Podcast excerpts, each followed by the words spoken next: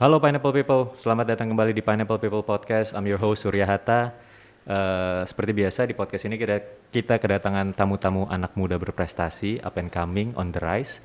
Tapi mungkin uh, tamu kita kali ini uh, nggak masuk kategori itu. Ini tamu kita kali ini mungkin udah menjurus rockstar nih. rockstar in the making, ya kan? Jadi ada dari uh, studio dasar Dani Wicaksono. Halo Sur. Halo Dan, thank you banget dan menyempatkan waktu ke sini Dan. Sama-sama, terima kasih udah diundang. Iya dong, Bintaro uh, BSD ya, Bintaro BSD ya. Iya. Nggak macet lah. Nggak ada macet. Nggak ada macet tuh. Ya. Iya, lancar. Lancar. dan, ini ngomong-ngomong rockstar nih, ya kan?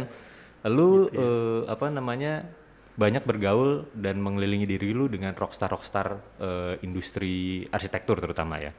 Lu punya kedekatan dengan uh, seorang Andra Matin ya kan di mana lu uh, juga banyak terlibat di uh, lu ikut bantuin pamerannya uh, Mas Aang uh, penyusunan bukunya juga ya kan? Uh, dan secara personal juga, lu juga juga sangat dekat dengan dengan beliau gitu. Uh, tapi sebenarnya kalau kita lihat lu uh, dulu memang sempat kerja di uh, bironya Mas Andra Matin kan? Walaupun gak lama tapi dan ya. Tapi gimana kalau bisa sampai deket banget dan? Ceritain dong itu rockstar yang beneran loh. rockstar beneran. um, uh, deket, gue kenal Mas Ang dari AMI sih, dari Arsitek Muda Indonesia. Oke. Okay. Uh, Mas Ang dan rockstar rockstar AMI yang lain juga. Uh, uh, gitu. uh, uh. Uh, uh, itu dari tahun berapa ya? Dari gue kuliah kayaknya gue udah mm -hmm. udah udah tahu dan udah udah kenal gitu. Oh gitu, dari zaman lu kuliah ya? Dari kuliah. Karena lu sering ikut kegiatan-kegiatan AMI gitu. AMI betul. Oke. Okay. Jadi ketemunya di AMI, terus uh, ketemu sama yang lain juga di sana. Mm-hmm. Terus uh, ya waktu itu waktu itu pengen kerja sama Mas Ang mm-hmm. uh, di uh, habis habis kuliah. Tapi sebelum gue kerja sama Mas Ang, gue kerja sama Mas Mamo dulu Adi Purnomo. Ya di Mamo Studio ya. Mamo Studio tiga tahun. Waktu itu namanya belum Mamo Studio, namanya masih okay. Studio Arsitektur. Oke. Okay. Mm-hmm. Jadi di Mas Mamo tiga tahun terus habis itu baru ke Masaang tiga hmm. tiga bulan gitu. Tiga bulan uh, doang padahal di sana ya? uh, kenapa cuma tiga bulan? Soalnya di, di bulan kedua gue dapet tawaran buat ngerjain Anjung Salihara. Nah itu menarik tuh. pertama gue dan waktu itu ya mesti milih karena gue karena gue de, de, waktu itu udah kenal udah tahu Masaang kayak gimana. Gue tahu yeah. juga kalau Masaang nggak nggak nggak nggak seneng kalau ada uh, apa anak kantornya yang ngerjain project di luar project hmm. kantor. Gitu. Iya iya iya. Ya gue harus milih waktu terakhir tahu bulan ketiga uh -uh. uh, gue ditanya lo mau lanjut apa mau gimana? Uh -uh. Ya, sudah gue bilang aja saya dapat tawaran ngerjain ini mas kayaknya uh -uh. saya mau lanjut mau ngerjain ini aja deh gitu. Mas. Uh -uh. Jadi ya udah gitu ya karena pas ada tawaran itu ya ya pas ada tawaran itu jadi okay. ya pilihannya antara ngelanjut di Andramaten atau mempertaruhkan hidup gue di, di project pertama gue jadi ya gue gue pilih yang kedua itu ya. Kemudian uh, Anjung Salihara. Nah ini juga menarik nih karena uh, apa namanya uh, ini kan proyek pertama lu ya berarti dan ya di hmm. uh, waktu itu sudah lu kemudian langsung mendirikan oh yaudah lu maju sebagai studio dasar gitu? Hmm, enggak. Enggak ya? Jadi hmm. ya sambil jalan lah ya. Iya. prosesnya menarik adalah uh, lu diminta langsung oleh seorang Gunawan Muhammad iya. untuk uh, ngerjain proyek Anjung Salihara ini bagi pineapple people yang nggak tahu uh, Gunawan Muhammad siapa itu adalah seorang sastrawan besar juga ya dan ya. Sastrawan dan, besar. dan pendiri majalah Tempo kan? Ya salah satu pendiri salah Tempo. satu pendiri majalah Tempo yang dulu pernah di Bredel tuh. Ya. Ya kan? Itu gimana ceritanya dan? Kok bisa sampai kenal sama Gunawan Muhammad? Gokil. Uh, iya sih. Uh, ceritanya uh, gue inget banget pertama kali dikenalin sama Pak Gun tuh uh -uh. open house-nya Mas Aang. Oke. okay jadi ada Mas Aang open house uh, kantor di di Jakarta Jakarta Barat mm-hmm. di Kebon Jeruk kalau gue nggak salah nah terus ya kumpul gitu mm-hmm. orang-orang kantornya Mas Aang terus Pak Gun datang waktu itu tahun 2007 mm-hmm. uh, Salihara lagi baru mau dibuka yeah. terus uh, lu waktu itu masih kuliah atau gimana pada saat itu? 2007 gue masih kerja di Mas Mamo. Oh masih di Mas Mamo ya? Itu baru-baru bikin Jong Arsitek tuh. Oh iya iya oke oke. Nanti kita obrolin itu juga tuh. Oke. Okay. Terus uh, dan gue kan waktu itu juga sebagai moderator forum AMI kan, jadi gue mm -hmm. sering ng ngadain acara-acara offline AMI gitu Iya. Eh, terus eh, Mas Yori yang kenalin Hmm. panggil eh, Dani sini nih ini kenalin nih Pagun Pagun baru mau buka Salihara perlu ada dia welcome kalau misalnya mau bikin acara apa aja gitu Iya. acara-acara arsitektur terus ya udah ya 2008 buka eh, Salihara 2000 dari 2008 ke 2009 sampai 2010 2011 tuh eh, kita sering bikin acara di Salihara gitu Iya. terus eh, apa namanya eh, karena bikin sering saya sering bikin acara sampai malam sampai malam sana gue jadi sering ngobrol sama Pagun Oke. jadi sering ngobrol gitu gue sering minta dia cerita macem-macem yang gue nggak pernah tahu tentang sejarah Indonesia terutama terus eh, ya udah eh, satu hari eh, dia lagi ngerjain operatan Malaka Mm-mm. Gua- Op- Operatan Malaka. operatan Malaka Oke. operatan Malaka terus gue diminta buat eh, ditanya mau bantuin bikin set panggungnya enggak gitu terus eh, ya udah gue gua coba bikin itu begitu selesai nanya lagi saya gitu, Hmm. kita lagi mau bikin extension nih kamu mau ngerjain nggak Wow. terus eh, ya udah pak apa ada kerjaan Ya, apa aja gue kerjain waktu itu kan Iya iya. iya. jadi ya ya udah terus eh, ngerjain itu eh, tiga tahun ya hampir tiga tahun tahun tiga tahun lebih tiga tahunan gue ngerjain itu Oke oke. Pro- dari dari desain sampai selesai konstruksi ya Mm-mm, Itu mm-mm. tiga tahunan terus eh, ya awalnya nggak nyangka nyangka kalau nggak ngira kalau itu bakal jadi gedung lima bertingkat lantai. tinggi gitu. Ah, nggak nggak nyangka gitu. Kita kira gue kira cuma bakal satu dua lantai gitu aja. Jadi ya, ya udah oke gitu.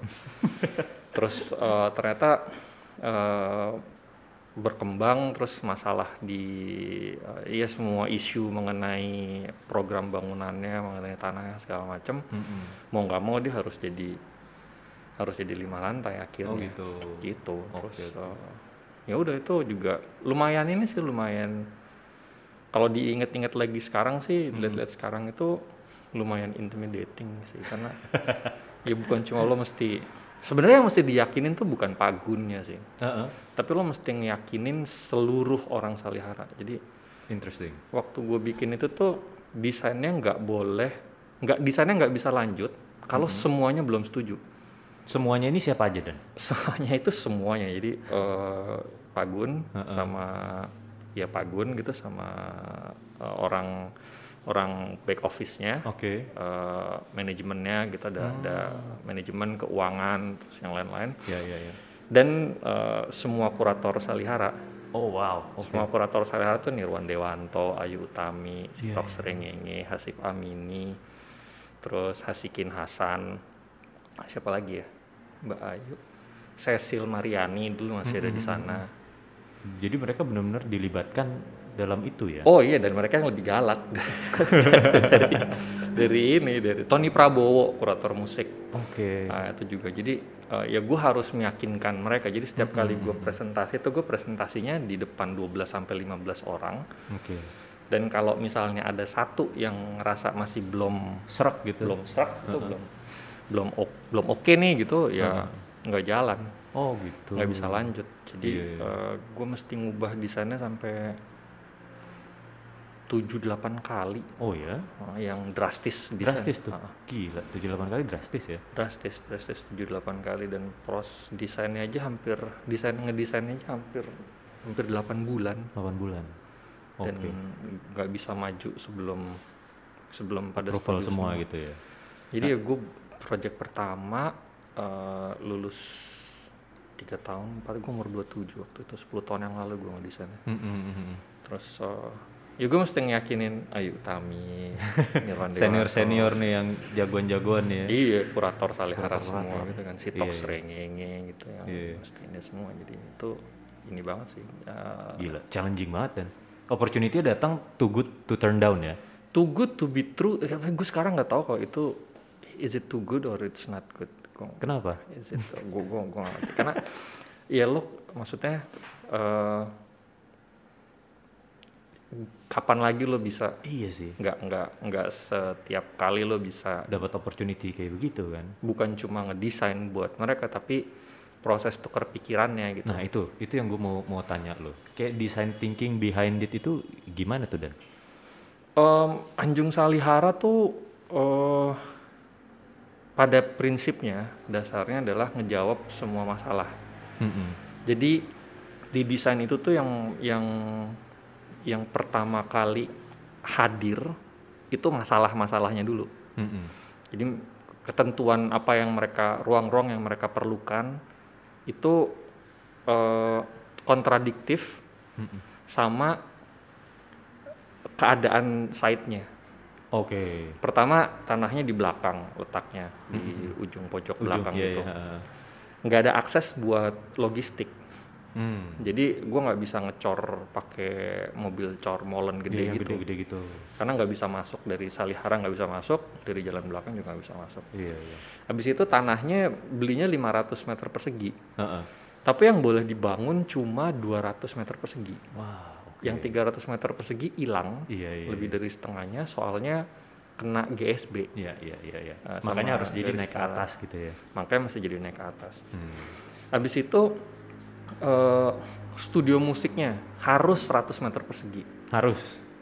Jadi lo bayangin 200 meter persegi, 100 meter perseginya itu udah jadi studio musik. Iya, iya, iya. Nah, habis itu mereka perlu studio musik satu, studio tari satu. Itu udah 200 meter persegi. 200. Habis itu mesti ada wisma, hunian. Oke. Terus harus ada gym. Karena GM eh, Pak Gun mau mau bisa nge-gym di sana. Oke. Masih ada storage ruang simpen buat semua barang-barang eh, teater gitu. Iya. Jadi masalahnya sendiri kompleksitasnya udah banyak dan akhirnya yang gua lakukan pertama-tama adalah Mm-mm. gimana supaya semua ruangan ini tuh bisa masuk ke dalam bangunannya. Iya, iya. iya. Habis itu yang kedua yang gue pengen bikin tuh dari dari pertama gue ngerjain itu tuh pengen bikin bangunan tinggi Mm-mm. tapi yang yang tropis gitu yang merayakan iklim Indonesia. Indonesia jadi sebisa mungkin nggak pakai AC gitu dan iya. nggak ada nggak ada fasad kaca. Supaya- iya, iya, nggak ada, nggak supaya eh, nge- ngebersihinnya gampang Mm-mm. gitu jadi eh, itu terus yang ketiga tuh mesti provide provide eh, apa ruang terbuka untuk lingkungan sekitarnya karena Mm-mm. agak unik sih settingnya soalnya di eh, satu sisi itu berbatasan sama hunian Ya. di sisi yang lain bagian belakang dari kompleks Salihara gitu. Mm-mm. Nah, depannya yang sebelah sananya. Iya. Jadi dia di satu saat adalah belakang, tapi di saat yang lain adalah depan. Depan juga. Nah, Hmm. yang sisi depannya ini nggak bisa dijadiin sisi belakang, Mm-mm. karena buat Salihara ini bagian depan mereka ke kompleks perumahan yang ada di belakangnya. Iya, iya, iya. Kalau ini gue jadiin belakang, akhirnya putus hubungannya kan, Mm-mm. dan eh, dinamik sosialnya jadi nggak nggak bagus Nggak gitu. oke gitu Nggak ya. oke jadi gue mesti mikirin bagian belakang yang adalah bagian depan, Depan. Jadi kayak fasadnya juga gitu jadi kayak ya. fasadnya juga Eh, eh. makanya Anjung Salihara tuh kalau misalnya dilihat dari dalam kompleks eh, Saliharanya nggak menarik soalnya cuma ada cuma ada tangganya doang Mm-mm. dan emang nggak perlu jadi menarik Iya, karena orang nggak datang ke sana untuk lihat bangunan ini orang datang Iya, ke iya. sana kan untuk lihat pagelaran atau pertunjukan yang ada di sana Iya, tapi kalau dilihat dari sisi pemukiman ini lebih menarik gitu lebih Hmm. lebih ada fasadnya gitu Iya, iya. daripada yang di sana jadi eh, prinsip-prinsip itu sih yang akhirnya gue bikin terus ternyata begitu udah jadi malah dapat bonus dua ruang Mm-mm. dua ruangan dapat bonus ruang dapat dapat ya. ekstra jadi mereka terus dapat eh, ruang serbaguna Mm-mm. dan teater atap Oh iya, yang rooftop itu ya. yang rooftop Iya, iya. itu kalau misalnya tahun baru lo tahun baru di teater atap itu lo bisa ngelihat eh, apa eh, kembang api dari seluruh Jakarta Serius lu? asli seru banget Seru juga tuh. Boleh, seru boleh. banget tuh kalau tahun baru di sana Iya, iya. Nah, tapi desain Anjung Salihara sendiri dalam eh, apa namanya keterkaitannya dengan gedung-gedungnya Salihara yang lain itu sebenarnya masih ada benang merahnya atau atau lu bedain dan? ada ada benang merahnya semua orang yang ngedesain sebelumnya tuh gue pernah ngedesain sama mereka atau ngedesain buat mereka semua jadi gue pernah kerja sama Mas Aang kerja sama Mas Mamo dan sama Mas Marco gue juga sempat uh, pernah ada uh, kolaborasi bareng Bareng gitu ya. beberapa kali Iya. jadi nggak mungkin gue gua bikin yang beda dari apa yang mereka udah buat Mm-mm. jadi eh, yang gue lihat di Anjung Salihara di Sal kompleks Salihara itu setiap bangunan itu punya karakter mereka sendiri-sendiri, Mm-mm. tapi juga tetap punya tetap punya apa Benang eh, merah benang merah ya? yang sama gitu. Ah, ah, ah, Dan itu yang gue jaga. Jadi gue harus punya punya karakter, Karakter. gue sendiri, Iya. tapi di saat yang bersamaan dia nggak kelihatan kayak bangunan keempat yang didesain dan dibangun belakangan, Mm-mm. tapi harus kerasanya kayak didesainnya bareng-bareng di awal, tapi dibangunnya Bangunnya belakangan, belakangan. gitu. Iya, iya. Gitu dan nice. eh, so far sih ya ya pada happy sih. Happy lah. Ah. Cakep lah. nah, terus gue bahas soal eh, studio dasar nih Dan. Ya. Iya kan? eh, ini dari dari apa namanya hasil stalkingan gue ya untuk untuk stu- eh, studio dasar, lu menerapkan ada tiga jurus berarsitektur di di eh, studio dasar. Hmm. Ya kan yang mana lu sebut eh, yang satu adalah eh, commission, yang kedua eh, regenerate dan ada Prometheus. Hmm. Mungkin bisa bantu jelasin ke teman-teman pineapple people dan itu gimana tuh konsep lu tuh? Um, Iya, the- dari yang gua dari yang gua sadarin bahwa dan gua pelajarin bahwa dengan keahlian yang kita punya gitu uh, dan kemampuan yang yang arsitek miliki itu kayaknya nggak bisa cuma gua nggak nyaman kalau gue cuma ngerja kerjain satu hal aja juga. Karena selama 10 tahun belakangan paling nggak gua ngerjain macam-macam kan. Nggak cuma ngedesain buat orang lain yang minta gua untuk ngedesain aja gitu. Iya iya iya. jadi gue pikir eh, oke ada line-line kerjaan yang eh, ada line-line agak apa gugus-gugus kerjaan yang yang harus dibeda-bedain Mm-mm. supaya jelas aja apa yang kita lagi kerjain gitu. Iya, iya. Yang pertama commission works itu ya eh, kerjaan-kerjaan commission sih Iya. yang lo emang perlu itu kita perlu itu untuk bertahan hidup dan eh, kalau ada teman-teman atau siapa pun pihak yang minta bantuin buat mikirin desain apa yang cocok untuk apa pun yang mereka perlukan tuh kita bisa Iya. kita bisa lakukan itu gitu commission. Iya. Yang kedua tuh regenerate. Regenerate tuh sebenarnya kita coba untuk ngedesain ulang desain-desain yang udah jadi generik di Indonesia gitu. Mm-mm. Kayak rumah tipe 36, terus rumah tipe 72, rumah susun. Sekarang kita lagi ngembangin master plan buat eh, kota gitu, gimana kota bisa didesain ulang dengan cara ngebangun yang generik yang kita tahu gitu. Terus eh, dan ini udah ada beberapa yang jadi eh, rumah-rumah rumah-rumah regenerik ini gitu. Yang terakhir eh, project Prometheus ini sebenarnya project-project yang hubungannya lebih sama eh, akademis atau diskursus wacana arsitektur gitu sih. Kayak misalnya gue bikin pameran-pameran, Itu masuknya Prometheus. masuknya Prometheus, tulisan-tulisan yang gue bikin gitu. Iya. Terus sama sekarang sama Januarianto dan lima penerbit eh, buku desain kita lagi ngejalanin namanya inisiatif Skriptura. Apa tuh? Inisiatif Skriptura itu eh, kita eh, berusaha untuk nerjemahin buku-buku desain yang bagus-bagus ke bahasa Indonesia. Hmm. Karena kita eh, tahu bahwa kita sadar gitu bahwa di sini nggak banyak yang bisa bahasa Inggris dengan sangat bagus sampai Iya, iya. bisa memahami isi buku kan. Iya iya. Dan- Sedangkan literatur-literatur arsitektur banyaknya bahasa Inggris gitu. Iya, ya. literatur arsitektur dan desain kan sebagian besar datangnya dalam bahasa Inggris gitu Betul. kalau di Indonesia ya. Heeh, heeh. Jadi ya perlu ada yang di Indonesia kan, terutama buku-buku yang penting-penting yang eh, yang jadi barometer diskursus, barometer wacana arsitektur gitu. Iya iya. Itu harus di- perlu untuk di bahasa Indonesia kan gitu supaya lebih banyak lagi anak-anak muda dan arsitek muda di sana muda mahasiswa gitu yang bisa baca Iya eh, iya. pikiran-pikiran yang eh, ya Forward mengubah thinking, visionary gitu. betul yang kayak gitu-gitu gitu nah ini eh, inisiatif skriptura itu termasuk salah satu yang Prometheus Iya, project iya. Prometheus juga gitu Sebelumnya kalau yang kayak gitu-gitu kerjaannya siapa sih dan? Yang kayak iniin buku eh, tentang literatur arsitektur di di kemudian diterjemahin ke bahasa Indonesia dan memperkenalkan ke eh, apa namanya pecinta desain dan lain-lain gitu. Eh, Sebenarnya kan itu bukan bukan apa ya? Karena gue ngeliat lu eh, di saat nih kayak apa namanya eh, banyak eh, teman-teman arsitek lu yang sibuk dengan mendesain ya kan bikin gedung ini, restoran apa dan lain-lain. Lu juga meluangkan waktu lu untuk eh, apa ya? Untuk itu seperti tadi melakukan lu bikin bikin apa mengkurasi eh, apa seni dan juga pameran lu kemudian eh, bikin tadi menerjemahkan buku dan lain-lain kalau dipikir-pikir yang lain kan sebenarnya sibuk itu nyari duit juga nih dengan dengan ngerjain desain-desain segala macam ya kan money wise mungkin eh, apa namanya eh, nggak segede itu kali kalau yang dengan dengan ker- kerjaan yang lu juga banyak kerjain sekarang gitu tapi lu memilih juga untuk mengerjakan itu kan? Kenapa tuh dan? Karena nggak ada yang ngerjain. Interesting. Ya nggak banyak yang ngerjain. Iya, nggak iya. gua gua mungkin mungkin gua nggak tahu ya ini bedanya atau enggak tapi di awal di awal awal gua tahu arsitektur itu suasananya ngebosenin banget hmm. super boring banget gue masuk arsitektur tahun 2001 baru Iya. arsitektur gitu tiga tahun eh, abis Soeharto lengser Heeh. eh, kita baru mulai mencari mencari keseimbangan baru Hmm.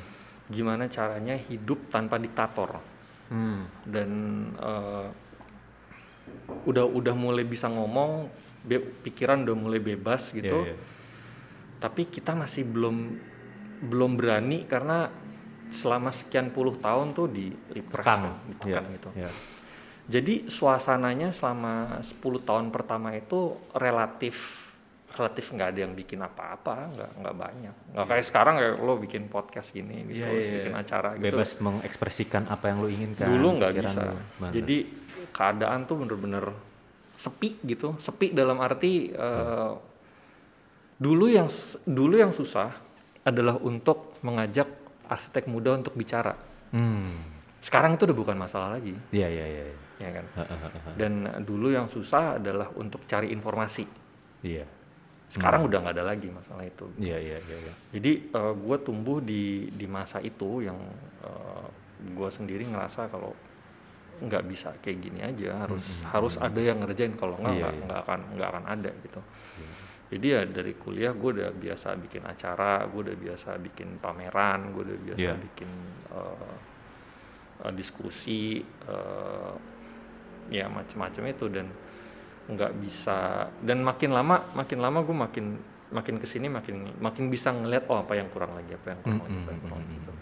Karena kalau misalnya gue reflect juga gitu ya, cara gue ngedesain tuh sebenarnya cara yang reaktif banget kayak tadi yang gue cerita Anjung Salihara, Iya. gue map masalahnya dulu, Heeh, heeh, heeh. terus gue react on the problems gitu, Iya, reaksi iya, terhadap masalahnya. Jadi eh, selalu kayaknya cara gue beroperasi itu gitu gue hmm, hmm. bereaksi terhadap apa yang gue lihat jadi masalah dan belum ada yang tackle isunya gitu. iya iya Eh, dan tidak hanya pada kaitannya dengan Desain. desain aja ya hmm, tapi seluruh ekosistem Ekosistem. ars- ekosistem arsitektur gitu. iya iya iya Jadi gue mesti nulis tentang eh, kayak misalnya dulu gini, dulu tuh yang nulis tentang arsitek Indonesia di eh di media luar negeri itu nggak banyak. iya Ya, jadi gue nulis buat Mark Magazine gitu. hmm. Eh, tentang arsitektur Indonesia Iya, dengan iya, bantuan teman gue eh, penulis dari luar juga. Oke kita oke oke. nulis untuk media luar gitu. Eh, jadi gue selalu selalu ngeliat ekosistem ini Ekosistem. sebenarnya kurangnya apa sih? Iya, apa apa iya. yang nggak ada jadi gue react di situ gitu. Dan iya iya. yang tadi tiga tiga gugus desain itu juga Iya. itu juga bentuk reaksi dan apa yang tadi lo tanyain juga tentang bentuk reaksi gue sih. Hmm, hmm, hmm, hmm. pameran yang nggak ada yang bikin nggak banyak yang bikin. Iya Ku- kurator desain itu nggak iya sih. nggak di- nggak dikenal. kan? Heeh. dulu tahun sebelum 2000 kita pertama kali pertama kali istilah kurator desain itu ketulis gitu itu tahun 2007 tuh Amir Amir Sidarta. Oke di situ gue 2007 pertama 2007 itu gue pertama kali sadar oh, ada ya iya, namanya kurator desain tuh ada ya gitu. dan di situ gue mulai uh, mempelajarin dan Hmm, hmm. tahun 2010 sama Jong Arsitek kita uh, promote profesi kurator desain ini dengan nunjuk tiga orang kurator buat pameran nasional arsitek muda Jong Arsitek tahun 2010 di Galeri Salihara gitu. iya iya iya Ada Marco Kusuma Wijaya, Avianti Arman dan Suryono Herlambang. Hmm, hmm.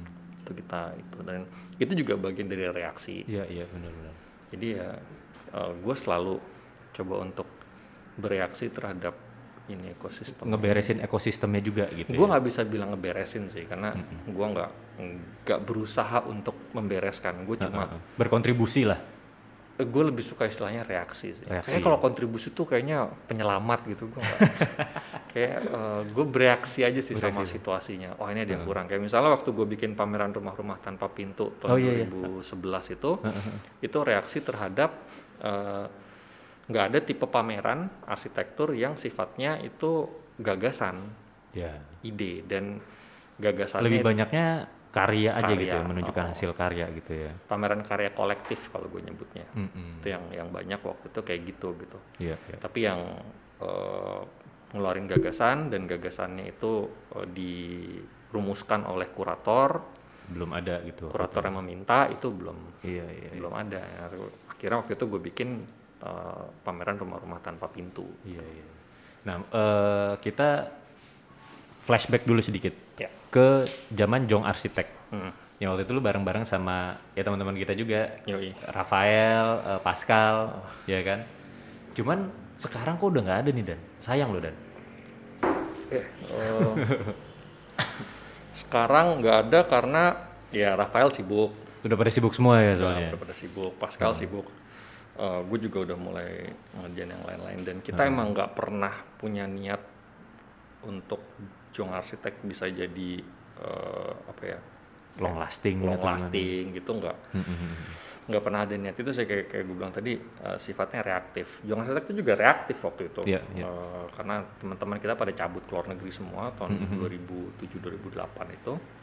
Eh 2006 Iya. kita bikin Jong 2006 2006 pada cabut keluar semua terus Ada talent outflow zaman dulu tuh ya. Iya. Pada keluar negeri ya. 2008 sorry sorry 2006 gue baru lulus 2008 Februari terus eh, kita perlu media yang eh, bisa mengkomunikasikan pikiran-pikiran arsitek-arsitek Arsitek muda. muda. ini Ya. ke yang lebih banyak Hmm, hmm, orang yang lebih banyak gitu media waktu itu nggak nggak bisa melakukan apa yang kita perasa perlu untuk dilakukan gitu Iya, media-media cetak yang ada jadi eh, alternatifnya adalah ngebuat media sendiri dan Hmm. waktu itu akhirnya ya udah kita lakukan itu gitu Iya, iya. terus eh, setelah berapa lima tahun enam tahun 2014 kita akhirnya stop gitu karena kita ngerasa udah ya udah banyak ya waktu itu udah mulai banyak yang pada bikin blog pada bikin informasi gitu-gitu Hmm, hmm, hmm. kayaknya udah udah cukup udah cukup kali ya yang iya. kita yang perlu Bisa kita dilepas lakukan. karena udah ada yang lain-lain juga eh, Udah. mulai masukin itu ya. acara kita waktu itu ngundang Rem Pulhas ke- Iya, di UPH ya waktu itu datengin ya. di UPH gua ajak sana si Rem sama waktu itu kuliahnya di Blitz Megaplex Oh iya, Blitz Plaza Megaplex. Indonesia Iya, iya. iya. dan itu eh, itu gila banget loh. Lu iya, bisa gratis loh gila ya. itu ya katanya yang heboh sampai ke Harvard katanya. Oh ya? Rem ke Indonesia katanya ya gue nggak tahu karena seorang Rem House kalau lu, lu datengin ke Indonesia iya ngasih lecture gitu Uh-uh. ibaratnya gratis gratis. iya Gokil deh. dan ya Jong sih itu acaranya Jong kan Ah, Jong Arsitek. dan nggak rese gitu ya. iya nggak rese baik baik baik banget Rockstar tapi nggak rese ya. oh dia tuh kalau di arsitektur kayak kayak kayak The Beatles kayak John Iya, Lennon gila. Eh, s- ininya ya apa eh, padanannya gitu Heeh, heeh, heeh. kayak kayak gitu Eh, dan ya agak agak ajaib juga sih agak tapi tap- tapi agak lebih gampang karena emang Rem selalu pengen balik ke Indonesia Oh gitu. iya dari dia kan masa kecilnya di di Indonesia kan Oh baru tahu gue tuh. iya dia kecilnya bokapnya tuh Anton Kulhas tuh eh, wartawan pro kemerdekaan Oke. nah waktu di waktu awal-awal kemerdekaan tahun 50 gitu Mm-mm. Eh, setelah 49 Belanda memberikan kedaulatan penuh ke Ya. Indonesia, Anton Kulhas bagian dari eh, apa eh, misi pertukaran kebudayaan yang yang lebih egaliter waktu itu namanya Stikusa. Oke. Sekarang Erasmus High kan. Oh oke. Iya iya. iya. Dulunya pertamanya itu namanya Stikusa. Nah, Anton Kulhas ini eh, salah satu eh, orang yang ngegerakin Stikusa di awal-awal iya. itu. Nah, terus eh, Rem waktu itu masih masih Umur berapa? umur berapa ya dia umur 52 10 12 tahun kali ya Iya iya. pindah ke sini dan eh, dia bener-bener immerse sama kehidupan di sini gitu Mm, mm, mm. karena teman-temannya dia tuh ya orang-orang biasa gitu dan Iya, dia iya. bisa bahasa Indonesia dulu Oh bisa bahasa Indonesia dulu. yang ngajarin bokapnya bahasa Indonesia tuh dia Oh gitu. dia bilang gitu dan waktu dia ke sini gitu gue kan ngobrol sama teman-teman gue kan dia bilang oh gue bisa ngerti dikit-dikit tapi Iya, gue iya. nggak ngerti penuh tapi gue tahu kita mesti makan apa sekarang jadi Iya, iya, jadi eh, dia sangat sangat immerse dan dia ber berkali-kali gitu eh, bilang kalau Indonesia tuh mempengaruhi dia juga. Hmm, hmm, dan waktu dia jadi kurator Venice Biennale di Iya. presentasinya dia ke apa perwakilan-perwakilan negara yang Iya. ikut Heeh. itu salah satunya ada Ada Indonesia Indonesia di situ.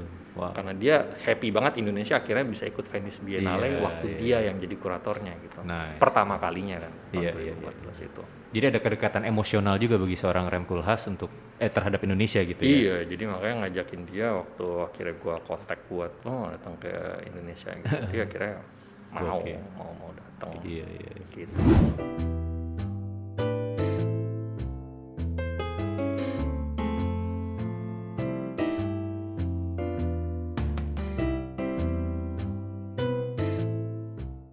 kemudian eh, salah satu juga acara yang lu eh, menjadi bagian sebagai penggagasnya adalah Bintaro Design District. hmm. Ya kan eh, di mana lu ngerjain bareng eh, eh, Mas Andra Matin, eh, Mas Budi Pradono sama eh, Mas Hermawan Tanzil ya. ya Gitu. Unfortunately tahun ini mungkin masih ngambang ya. masih ngambang Masih kita ngambang gimana ya? mencari bentuk Mencari bentuk ya. oh. Eh, itu awalnya gimana dan itu sesuatu yang yang begitu jalan boom langsung dapat perhatian bahkan kepala daerah kepala daerah juga kayak merasa wah gila nih seru banget nih libatkan kita dong. Hmm. Iya kan? Efeknya sampai sampai ke situ sampai mereka kayak oh ya nih skalanya kita perbesar dengan dukungan pemerintah bla bla bla gitu. Menurut lu memang sesuatu seperti ini memang harus berjalan eh apa ya gagasan-gagasan gini memang bisanya muncul dari dari apa ya bukan swasta tapi istilahnya apa ya kayak orang yang di luar pemerintahan atau memang untuk bisa besar nanti lu akan juga menggandeng mereka deh? atau Um, atau lu mungkin nggak ada rencana juga untuk memperbesar sampai skala yang terlalu gede Oh nggak tahu. Gua- Terus terang gue nggak bisa bilang masa ya? depan masa Iya. depan BDD kayak gimana karena untuk bicara tentang itu perlu gue selalu perlu ngobrol sama Pak Hermasang dan Mas Budi. ya ya Tapi eh, awalnya aw- awalnya tuh karena kita daerahnya udah udah Desain distrik gitu. sih ya? Udah kayak gitu, Heeh, gitu. heeh, heeh. dari awalnya udah kayak gitu yang iya yang eh, kita lakukan sebenarnya eh, cuma spark spark the fire, Fire. aja gitu iya iya cuma ngelakuin itu dan itu awalnya datangnya dari yang paling semangat pertama kali itu Mas Budi Mas Budi Pradono Budi ya Pradono gitu. kita lagi di waktu itu kita semua sama-sama lagi ada di eh, bagian dari London Design Biennale Mm-mm. Di sana terus kita ngelihat London Design Festival dan London Architecture Week iya terus eh, begitu ngelihat itu kayak ini kayaknya kita bisa bikin mirip-mirip gini di Bintaro deh soalnya Iya, iya. Oh, langsung, waktu itu memang sudah langsung spesifik di Bintaro. di gitu ya, Bintaro Pikirannya. udah kepikirannya di Bintaro karena Iya. semuanya ya gua masang sama Mas Budi tinggalnya di Bintaro Iya. dan kerja di Bintaro Pak Hermawan teman-temannya banyak di Bintaro Iya. dan dia sering ke Bintaro gitu jadi Heeh. eh, hubungan emosional sama Bintaro dekat begitu bilang oh ini kayaknya bisa kita bikin di Bintaro karena begitu Hmm. di mapping ada banyak banget teman-teman kita yang ngantor di dan tinggal di Bintaro kan Iya, itu iya. kantor-kantor desain dan kantor-kantor arsitek Iya. semua juga gitu Heeh. akhirnya dari situ ya baru oke coba kita pikirin gitu Mm-mm. Eh, kayaknya kita bisa bikin ini sih dan dari dari oke kita mulai sampai jadi tuh dua tahun Oh ya? iya dari 2016 baru kejadian pertama 2018 Iya, kan iya, iya. Jadi tuh Oke. dua, dua tahun dua tahun tuh ya karena masing-masing kan punya kesibukan sendiri-sendiri Iya, iya, iya. butuh waktu buat kumpul niat Merumuskan. execute Iya, benar. Nah, tujuannya sendiri di awalnya apa dan? Apakah untuk memperkenalkan desain ke masyarakat awam atau atau lebih kenapa?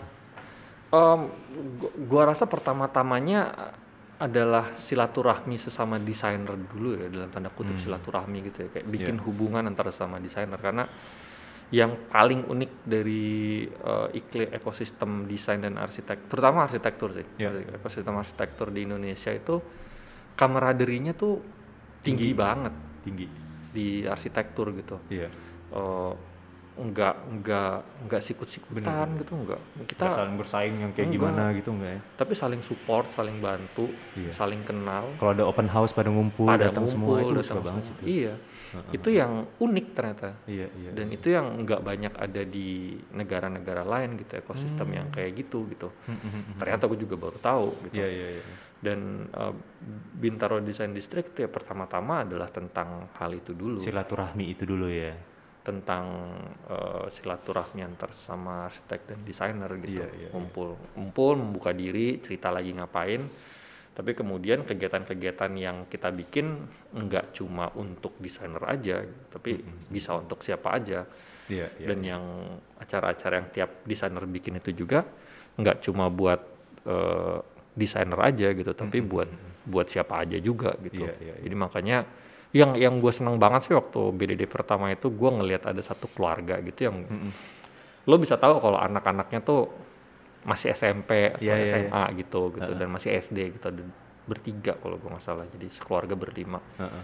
semuanya megang katalog BDD dan mereka habis dari keliling-keliling gitu Iya, iya, ngumpulin ngumpulin cap stempelnya, tuh yang capnya. stempel. Heeh. Jadi itu yang yang menyenangkan tuh itu sih karena eh, pada akhirnya kita bisa membuat masyarakat eh, mengapresiasi desain gitu, Iya, iya. mengapresiasi kerja desain dan kerja desainer, kerja arsitek gitu, Mm, mm, mm. dan eh, mereka bisa mengapresiasi hasil kerja dari desainer dan arsitek juga gitu Iya, iya. kayaknya itu sih yang karena kita butuh lebih banyak eh, kegiatan-kegiatan yang bisa ngebuat Mm, mm. banyak masyarakat bisa mengapresiasi desain. Iya, setidaknya melek dulu terhadap desain juga kan. Iya, Karena- paling nggak tahu dulu. Iya, karena gue juga sempat eh, diskusi sama Andro soal ini nih. Hmm. Jadi gue bilang mulai berasa nih di Indonesia segala sesuatunya desainnya mulai dipikirin nih. Hmm. Mau itu kedai kecil atau apa, setidaknya grafik desainnya udah cakep. Hmm. Ya kan, desain interiornya udah mulai dipikirin. Beda halnya dengan kayak zaman dulu, mungkin 10-20 tahun yang lalu, kayak zaman bokap gue gitu mau bikin kayak toko apa gitu, itu ya udah misalkan jualan kedai apa gitu, ya udah yang penting ada kursi, ada meja. Sekarang kan udah dipikirin. Eh dan itu waktu itu gue diskusi sama Andro, salah satu menurut Andro adalah peran sosial media juga nih dan sekarang dengan adanya Pinterest, Instagram, orang-orang ngelihat, oh ini cakep ya, kayaknya bisa nih bikin kayak begini, begini, begini gitu. Menurut lu sendiri, eh gue ada ada ada sempet eh, lihat kritikan lu terhadap sosial media juga nih, Hmm. ya kan? Hmm. Menurut lu eh, peran si Instagram dan Pinterest dan kawan-kawan ini sebenarnya positif atau negatif buat buat eh, iklim desain terutama kita di Indonesia dan? Kayak semua semua hal harus kayak kayaknya kita mesti ngeliat dengan kritis bukan bukan berarti eh, memperlihatkan apa yang nggak baik atau buruk dari situ tapi Ya. eh, semua selalu punya dua sisi, Dua kan. sisi. dan selalu ada eh, it's a double edge Sword. semua semua Yeah. selalu double edge gitu. Yeah. nggak nggak ada yang enggak any types of practice any types of eh, apa pun yang kita pakai dalam kehidupan sehari-hari kita tuh ada double edge-nya Heeh. uh, gue nggak akan bilang gue nggak nggak akan bilang kalau ada ada negatifnya Mm-mm. tapi gue negatifnya sosial media menurut gue uh, di aspek yang lebih lebih apa lebih fundamental dalam kehidupan kita gitu Mm-mm. dalam hubungannya dengan praktek arsitektur kalau menurut gua gua nggak pernah ngelihat eh, iklim arsitektur kita gitu seproduktif sekarang sih Hmm. Produktif banget gitu Iya, iya. dan produktivitas itu tuh terlihat bukan cuma by the month atau by the year tapi by the hour gitu Hmm. da per jam lo bisa ngelihat produktivitas arsitek-arsitek Indonesia Iya, iya. iya. dan ada lagi yang baru, ada lagi yang bikin baru, ada lagi yang bikin baru. Mm-mm. So, produktivitas menurut gua nggak nggak pernah setinggi ini Iya. Dalam iklim arsitektur dan desain di Indonesia gitu. Mm-mm. Eh, Yang Dan- yang tiba-tiba ngebus itu apa dan? ya salah satunya sosial media. Salah satu sosial media ya. Salah satu sosial. ka- Karena gini, la- lagi-lagi sorry gue mesti ngebandingin sama iklim yang gua tahu dulu waktu gua eh, masih Di awal baru-baru di awal gue lulus kuliah atau awal gue kerja gitu. Iya. lo nggak punya tools apa pun untuk untuk kelihatan kayak lo profesional itu nggak ada tools itu dan Iya, untuk iya. menghubungkan kerja lo dengan atau apa yang lo tahu hasil kerja lo kemampuan lo dengan orang publik umum Iya. eh, dengan cara yang lo bisa stumble upon gitu lo bisa nggak sengaja ngelihat dulu nggak nggak ada yang Iya, kayak iya, gitu iya. gitu Iya, iya, iya. nggak ada yang tiba-tiba eh gue nggak sengaja ngeliat si ini oh ini kayaknya kok bagus dan lo terus bisa telusuri terus gitu akhirnya dia iya, apa. iya, iya. dulu sedekat-dekatnya kita sama independent eh, independent marketing gitu independent branding itu website Website. tapi website lo nggak akan pernah bisa stumble upon Iya, iya. Lu mesti tahu dulu websitenya apa. iya gitu lo kan. mesti tahu alamatnya lo mau ke sana gitu Iya, kan iya, iya. kalau ini kan lo bisa tiba-tiba eh lo kok ada ini sih Iya, iya, iya. Dan- Dan tiba-tiba lagi nge-scroll, nge-scroll, eh kok bagus nih. iya Iya kan? Nah, dengan begitu mental di kepala lo tuh jadi beda. Lo Hmm. jadi punya punya tujuan untuk oh, oke, gua sebelum 30 Mm-mm. gue bisa eh, punya tujuan untuk ngebuat studio yang proper mm-mm. karena eh, ekos eh, bukan ekos apa namanya toolsnya untuk gua bikin itu lebih cepat Hmm. itu udah Iya, tersedia semua toolsnya caranya itu ada semua iya, iya, iya. dan waktu dulu ya Kak, kalau zaman zaman gue kuliah gitu yang punya pikiran untuk bikin studio yang proper kelihatan profesional dan kayak all well dan setup itu nggak banyak. Iya, iya, iya. itu bukan bukan ini bukan apa bukan goals. Pertama-tama yang kita pengen lakukan waktu itu tuh bikin arsitektur yang bagus dulu. Hmm. gimana cara bikin yang bagus dan apa itu yang bagus gitu. Jadi Iya, iya. bikin bikin arsitekturnya aja gitu Iya, iya. sekarang lo dengan bikin arsitektur yang bagus juga dibarengin dengan kesadaran untuk oh gue juga bisa bikin studio yang proper rapih Mm-mm, mm-mm. profesional dan gue bisa mengkomunikasikan itu dengan dengan berkelanjutan independen Mm-mm. dan mudah Iya, iya, iya. nggak susah sama sekali gitu Kalau dalam kaitannya dengan apa ya? Copy and paste lah gitu dan. Hmm. Ya kan karena kita di di industri furniture kadang ketemu juga nih ke project-project klien-klien yang bilang, "Pak, tolong bikinin kursi yang kayak gini." Bikinin kursi yang kayak gini. Ya kan kalau kita selalu kita eh, menghargai desain dan segala macam kita oh ini desainnya si ini, Bu. Kita bisa bikin tapi mungkin kita eh, modifikasi ya. Jadi begini-begini jadi nggak nggak ngopi plek-plekan gitu di satu sisi kadang ada juga yang kayak oh ya kita pengen bikin ini untuk eh, area F&B-nya all day dining kita perlu 100 200 pieces misalnya. Tapi begitu kasih lihat oh ini eh, kursinya kursi artisan. Yang ngerjainnya nggak bisa cepet ya kan? Ah, mesti satu-satu segala macam nah kalau di di industri lu sendiri juga banyak nggak sih dan yang kayak berbekal Pinterest ah tolong bikinin gue desain yang kayak gini deh. Gitu. Dan dan menurut lu itu sah-sah aja atau sebenarnya karena kalau lu bilang tadi kan it's eh, lu adalah yang eh, reaktif atau problem solving lah dalam dalam eh, berarsitektur gitu. Pada saat lu dihadapkan dengan kondisi kayak gitu gimana dan? Ini bikinin yang kayak gini padahal mungkin selalu lihat site-nya mungkin itu bukan arah yang tepat untuk untuk di dituju gitu. Gimana tuh?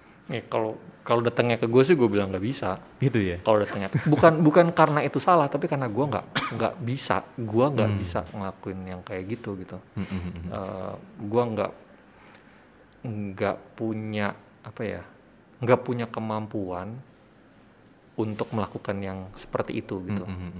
Cuma karena itu sih. Ada kadang ada yang beda-beda ada yang bisa. Ada yang memang kayak begitu kerjanya gitu. Ah, ah, ah, ah. that's how they work gitu. Dia Iya. kayak gitu. Dan ya kalau kayak gitu mau gimana gitu dan em, isunya jadi isu apa gitu? Isunya jadi jadi isu tentang eh, originality authenticity dilihat dari perspektif yang mana gitu. Kalau Iya, iya. dilihat dari kesempatan untuk membuat hal-hal yang otentik dan original eh, ya mungkin itu bukan cara yang tepat untuk mencapai tujuan itu gitu. Iya.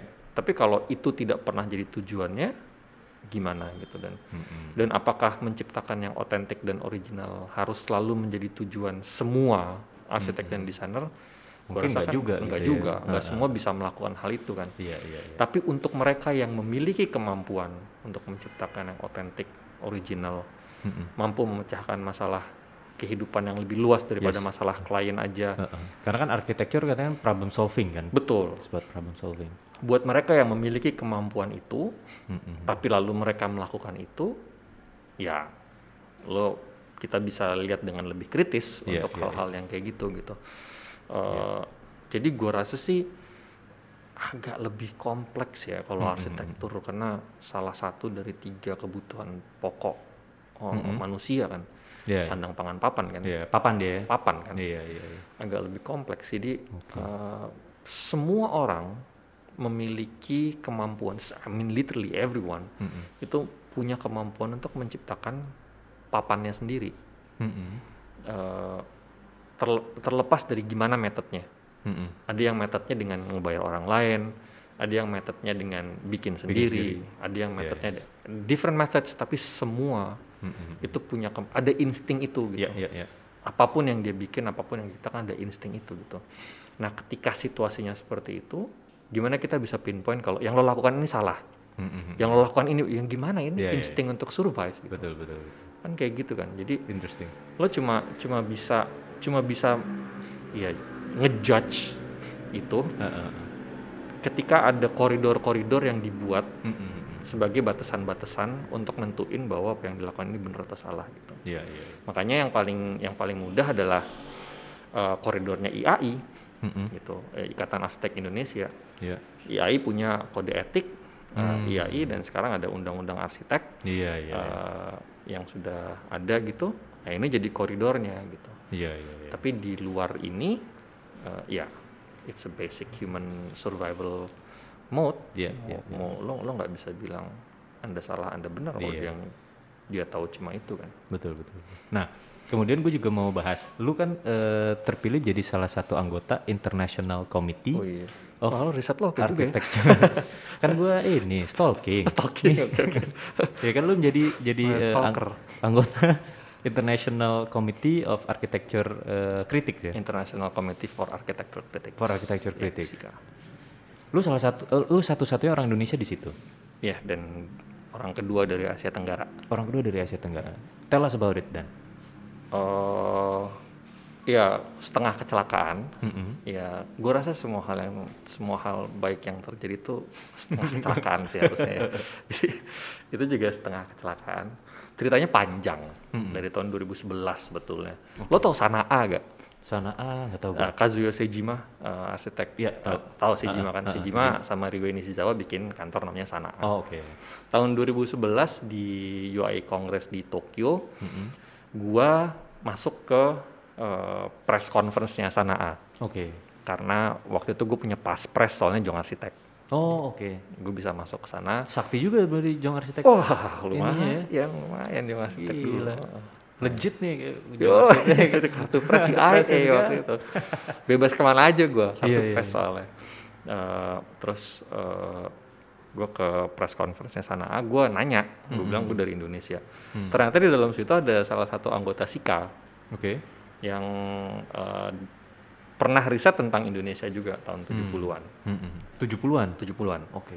Terus eh, dibilang, oh lo dari Indonesia? Iya, gue juga, gue punya ikatan sama Indonesia gitu. Oke. Dia bilang, oh oke. Gue mau ke Bali nih, gitu, tanggal segini gitu. Wah, terus gua pas. Pas hari itu gue presentasi, diminta presentasi di Bali Oke.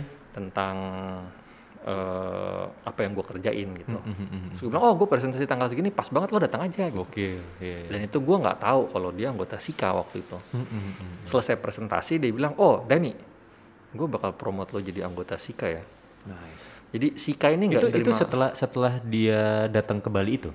Atau dia sebelum? lagi di Bali Oh, pas dia lagi di pas Bali. dia lagi di Bali Dia nonton nonton presentasi gua. lo juga. oh, dia nonton Wow, presentasi oke. gua gitu. terus eh, terus gue bilang oh gue bakal promote lo jadi anggota Sika gitu dan Sika ini lo nggak bisa jadi anggota daftar gitu nggak bisa lo cuma bisa jadi anggota kalau lo dipromote oleh Dinominasikan oleh Dinominasikan. sa- salah satu anggotanya gitu kan. betul dan habis itu pun lo di assess lagi Mm-mm. dianggap Oh gitu. layak atau enggak gitu Wow, oke. buat jadi anggota jadi lo kayak harus prove yourself Iya iya iya. iya. habis itu gitu terus eh, eh, ya udah dibilang gue bakal nominasiin lo gue ya gue kira ya ya udahlah gua Iya deh, gitu iya ya. deh gitu gue anggap serius kan Iya iya. nggak taunya berapa setahun kemudian apa setahun setengah kemudian dia ngemail gue lagi Mm-mm. Oh cukup panjang juga dan ya? lama, Lama juga. karena eh, pros ya proses nominasinya eh, nggak nggak nggak cepat gitu Iya, iya, iya. bukan yang bukan yang kayak lo daftar registrasi gitu Mm-mm.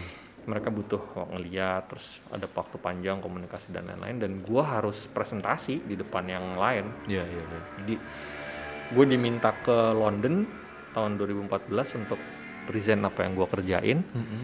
di depan anggota-anggota Sika yang Wow. lain Ha, ha, ha. Eh, terus habis itu ya oke loh dan diangkat jadi anggotanya waktu kongres UIA Oke. eh, di kongres eh, eh, kongres Union of International Architects jadi Oke. persatuan arsitek Union of International Architect. ya Oke. nah itu eh, waktu itu gue diangkatnya di kongres UIA Durban Mm-mm. tahun 2014 bulan November Nice. terus eh, ya udah dan itu gue ternyata gue yang paling muda kayaknya Oh ya? Ah, Keren. Gua- Terus komunitas ini eh, perannya apa dan di di industri arsitektur? so komunitas ini komunitas ini ya kok, kok agak agak ini sih ya. Eksklusif banget nih. oh iya Parah nih. iya sih Em, agak apa mere- mereka mereka kerjanya kayak di belakang layar jadi semua kejadian arsitektur yang yang ada gitu agak Oh iya, agak gokil. aneh sih New World Order gitu. lo lo lo su- suka ngeliatnya kayak lo kalau nonton Avengers gitu kan Iya, iya. Fury di belakangnya ada yang lain Iya iya iya. Eh, kira-kira gitu kayak kayak kira-kira eh, kayak misalnya ketuanya Joseph Reichert Joseph Reichert itu eh, salah satu orang yang paling dihormatin di Harvard Oke. dan orang yang paling dihormatin di satu salah satu arsitek yang eh, di Harvard dan di eh, Inggris di Eropa dan di Amerika tuh dia eh, well known dan berpengaruh gitu Iya. terus eh, Gregotti Vittorio Gregotti itu eh, yang bikin Venice Architecture Biennale Oh oke. eh, tahun 1980 Heeh, heeh. terus eh, Kenneth Frampton, Charles Jenks Iya iya iya. itu kritikus-kritikus arsitektur juga kalau di Asia Tenggara selain gue tuh ada Ken Yang, Kenneth Yang Mm, mm, mm, mm. itu juga eh, Dari mana tuh kalau Kenneth yang? Malaysia Malaysia. Oke. itu juga salah satu yang eh, di Malaysia berpengaruh juga gitu Mm, mm, mm. Eh, ke- kenapa gue diterima gue nggak tahu Mm, mm, mm, mm. mungkin apa yang gue kerjain itu dianggap line of uh, di- apa uh, bagian dari kerja kritikus gitu Iya, iya, bikin iya, pameran nulis dan lain-lain itu mungkin dianggap sebagai bagian dari itu Mm, mm, mm. Uh, akhirnya mereka terima gue tapi gue nggak pernah minta itu Iya. yang pertama Uh, gue nggak pernah ngedaftar tapi mereka nemu gue identify Iya. iya. dan nanya lo mau masuk apa enggak Nice. dan eh, ya gua nggak nggak- ada yang buruk dari hal itu gitu. Iya iya. gara-gara gara-gara gua anggota Sika akhirnya gue diminta sama Agakan Award buat jadi technical reviewer Iya iya. karena Sika dan Agakan Award itu hubungannya deket ternyata I see. jadi waktu presiden eh waktu direktur Agakan Award tahu gua anggota Sika ya, wow anggota Sika iya Wah. anggota Sika gitu terus jadi jadi technical reviewer Kredibilitasnya ini banget ya. Eh, langsung naik juga kredibilitas lu di mata teman-teman di arsitek dunia gitu ya. di dalam lingkup Lingkupnya itu. kecil. Jadi eh, tapi di- kecil tapi berpengaruh Iya. banget orang-orang di dalamnya kan. ya misalnya Sika bisa mempengaruhi bisa ya gue anggota Sika bisa jadi technical reviewer Iya, iya, kan iya. award gitu. Kayak gitu. Keren keren. Agak agak agak aneh sih. Ke- Kegiatan di- dia juga bukan bukan tipe kayak kayak eh, apa gitu yang bikin festival Eh, apa eh, gitu eh, eh, enggak enggak. enggak gitu. Tapi eh, ininya Orang-orangnya itu ya di balik di baliknya networknya itu gitu. ternyata gue gue ini gue gue udah cerita. Gue pernah gue gue kenalan sama eh, direktur Pritzker Prize eh, Martha Thorne di Seoul waktu itu kongres UIA terus eh, bahkan sampai dia aja Pritzker Prize itu kan salah satu penghargaan yang paling tinggi di Heeh, prestigious arsitektur ya. paling prestisius kan untuk individual architects gitu Ya. bahkan si Marta ini aja ngeliat orang-orang Sika ini suka kayak wow those, those are the big guns Oh iya. Wah. oh gitu ya gue And you're one of those guys. Eh, Iya kan? Iya, masih muda gue, Iya, masih, iya. masih muda banget gitu. Jadi Nice.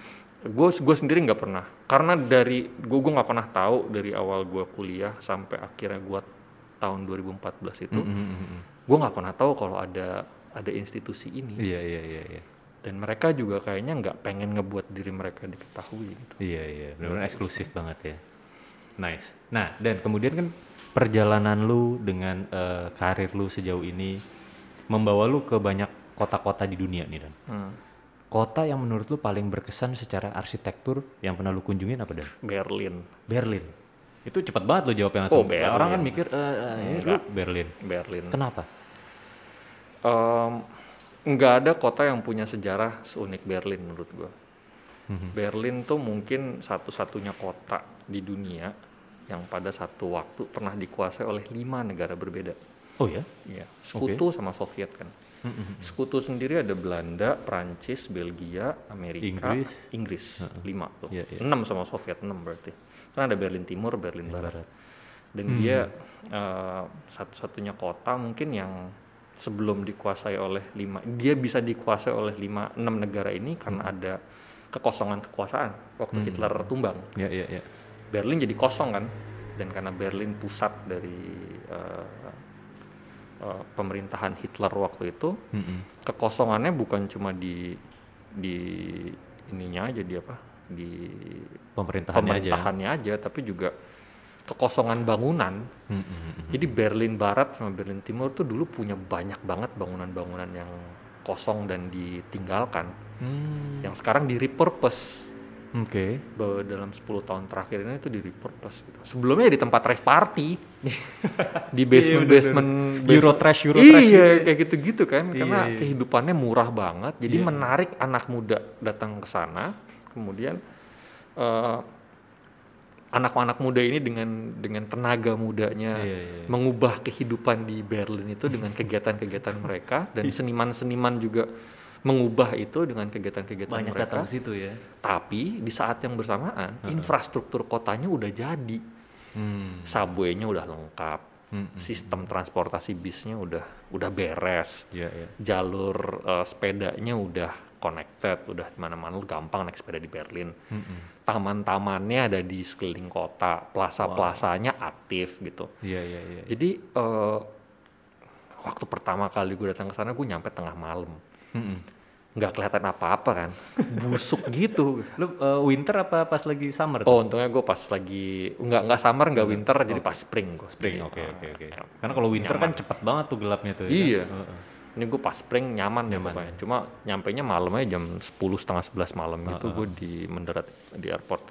Busuk banget kan. Jadi itu sistem sistem subway-nya beda sama di Singapura atau di London karena lo nggak nggak tap pagar lo masuk tapi lo bebas aja gitu Oh gitu. Dibuka aja gitu ya. dibuka aja lo bebas langsung masuk ini tapi kalau lo nggak punya tiketnya ntar tiba-tiba ada polisi preman gitu lo mesti Inspektur bayar gitu iya mesti bayar 100 euro kalau nggak Iya, punya tiket gitu. Iya iya. iya. Tapi se- jadi logiknya beda logik Iya, iya. kotanya Heeh, heeh. jadi gue nyampe tengah malam jelek berantakan gitu gue bingung apaan nih gitu. Iya, Terus iya. udah kesel-kesel gitu besok paginya begitu jalan-jalan anjir Beda banget tiba-tiba. wah gila lu lu bisa ngerasa kota yang diambil alih sama anak muda gitu Gitu ya. hmm. Nice. Gue belum pernah sih gue ke ke Berlin gue. Wah, lo mesti sih. Itu kota yang rasanya tuh bener-bener diambil alih sama anak muda gitu. Tapi masih berasa nggak dan Berlin Barat sama Berlin Timurnya ini? Katanya masih kerasa. Masih ya. Dan lu bisa ngeliat dari tata kotanya juga. Mm, mm, mm, mm. Dan baru kemarin gue lihat foto gitu, dilihat dari lampunya juga beda. Lampu. Karena mereka pakai pakai tipe lampu yang berbeda, Berlin Timur sama Berlin Barat. Lampu jalannya beda. Even after all these years. Eh bahkan, ha, Wow. masih. Jadi Oke. nyalanya beda. Yang Berlin, Berlin Timur gue salah. Berlin ti, ya Berlin Timur itu Heeh. eh, warm white. Oke. Kalau Berlin Barat cool daylight. Oh gitu. Kocak juga ya. iya, gue juga baru baru Jadi tahu ada yang kayak lebih hangat, ada yang lebih dingin Iya. gitu suasananya. Baru gue baru tahu. Gue gue nggak tahu pasti tipe lampunya apa gitu, Iya, iya, tapi warnanya jelas jelas berbeda. Beda ya? Beda banget. Lucu banget ya. Dan ternyata orang-orangnya pun agak berbeda. Oh ya. Katanya ya, gue heeh, gue belum nggak belum Nggak lihat. sampai mendalami. Oh, oh, belum belum lihat itu banget. Tapi Mm, mm, mm. katanya pun orang-orangnya agak berbeda yang tinggal di timur sama tinggal di barat gitu. Mm, mm, mm, mm. Menarik tadi lu bilang bagaimana banyak bangunan-bangunan di Berlin, bangunan-bangunan lama obviously yang kemudian kosong dan di repurpose, Ya. dijadikan eh, apa eh, untuk untuk digunakan mungkin jadi mungkin banyak restoran dan lain-lain gitu juga kali dan ya. Hmm. Di Indonesia kenapa nggak banyak kayak gitu dan? Eh, logik kotanya berkembangnya beda, nggak sama. Eh, Kota-kota kita kan ya bukan gimana ngomongnya ya, nggak. Kayak dulu misalkan di salah satu di Indonesia tuh ada Buddha Bar kan. Yang dulu tuh kantor kantor imigrasi zaman Belanda. Anjir, oh iya salah. Buddha Bar. Udah aja lah, jadul banget sih, ya kan. Cuman kemudian kayak Buddha Bar udah tutup apa? Tutup, tutup Buddha kan. Ha. Terus jadi apa ya? Maksudnya banyak kan bangunan-bangunan gitu sebenarnya bisa di Indonesia juga lumayan lah ada lah gitu. Agak lebih kompleks sih. Kayak, I think the co- co- complexity complexity di area perkotaan itu di tiap kota itu beda-beda. Mm-mm. Terutama tergantung dari siapa yang pegang authority Mm-mm. atas bangunannya gitu. Hmm. Kalau di sini otoritas bangunannya lebih kayaknya lebih spread out ya. Masing-masing orang punya ke hak kepemilikan untuk Oh. satu bangunan. Nah ini yang gue belum tahu jelas di Berlin tuh sebenarnya otoritinya gimana gitu. Apakah lo bisa dengan mudah uh, ngambil bangunan yang abandoned atau atau enggak gitu? Iya iya iya. Gimana cara lo untuk ngambil ini? Tapi kayaknya sih agak lebih mudah di Berlin ya, soalnya agak Kayaknya lebih lebih banyak lebih banyak pengalihan otoritas bangunan tua gitu. Iya iya. iya. Di di Berlin lo bisa bisa mudah untuk melakukan hal itu. Kayaknya di sini agak susah gitu ya. Hmm, Yang kedua, kota-kota di Ber di kota Berlin itu, bukan kota-kota di Berlin. Berlin itu dibangun dengan prinsip setiap bangunannya, Mm-mm. pintu bangunannya itu terhubung langsung sama trotoar. Oke. Kalau kita kan enggak. Mm-mm. Pintu bangunan berhubung langsung sama tempat parkir. Iya. Tempat parkir hubungannya sama jalan. Jalan habis itu. heeh. Kalau ada trotoar, trotoarnya nggak dipakai. Tapi Pakai yang buat buat jualan. Nah, Hmm. Asongan dan lain-lain. iya. Tapi kebanyakan trotoarnya kagak ada. Iya. Ya kan? Benar benar. Jadi eh, beda sih. Berlin itu base-nya adalah kaki.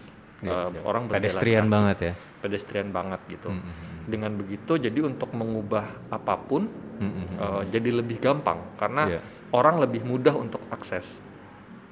Karena semua bisa dihubungkan dengan kaki. Iya, Dan iya. kota-kota yang berhubungan dengan kaki, yang yang dibangun berdasarkan berjalan kaki itu Hmm, hmm. biasanya transportasi publiknya baik. Hmm, hmm.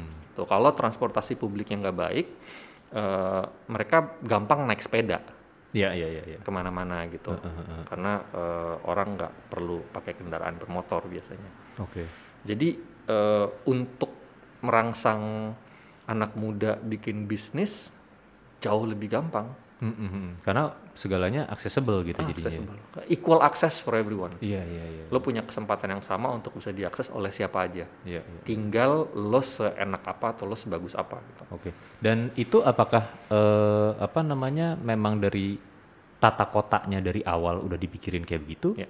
Emang begitu ya? Emang begitu. Emang gitu ya? Emang karena mereka kan masyarakatnya masyarakat yang merchant kan, masyarakat yang eh, mereka produce Iya iya iya. iya. uh, ma- apa skill tiap-tiap individunya skill gitu. Nah kalau masyarakat yang tinggal di kota-kota di Indonesia ini kan, eh kota-kota di Indonesia terutama yang berkembang setelah tahun 60, 70, 70, Mm-mm. yang setelah tahun 70 itu kan kebanyakan buat karyawan Mm-mm. uh, kotanya, makanya nggak ada nggak ada ruang usahanya gitu dan Iya, iya, nggak diintegrate sama ruang usaha gitu. Jadi yang penting kan ngejual rumah buat karyawan kan. Iya iya iya. Makanya kebanyakan kan eh, perumahan-perumahan super gede, Bintaro kan perumahan super gede, BSD. BSD juga Iya, iya.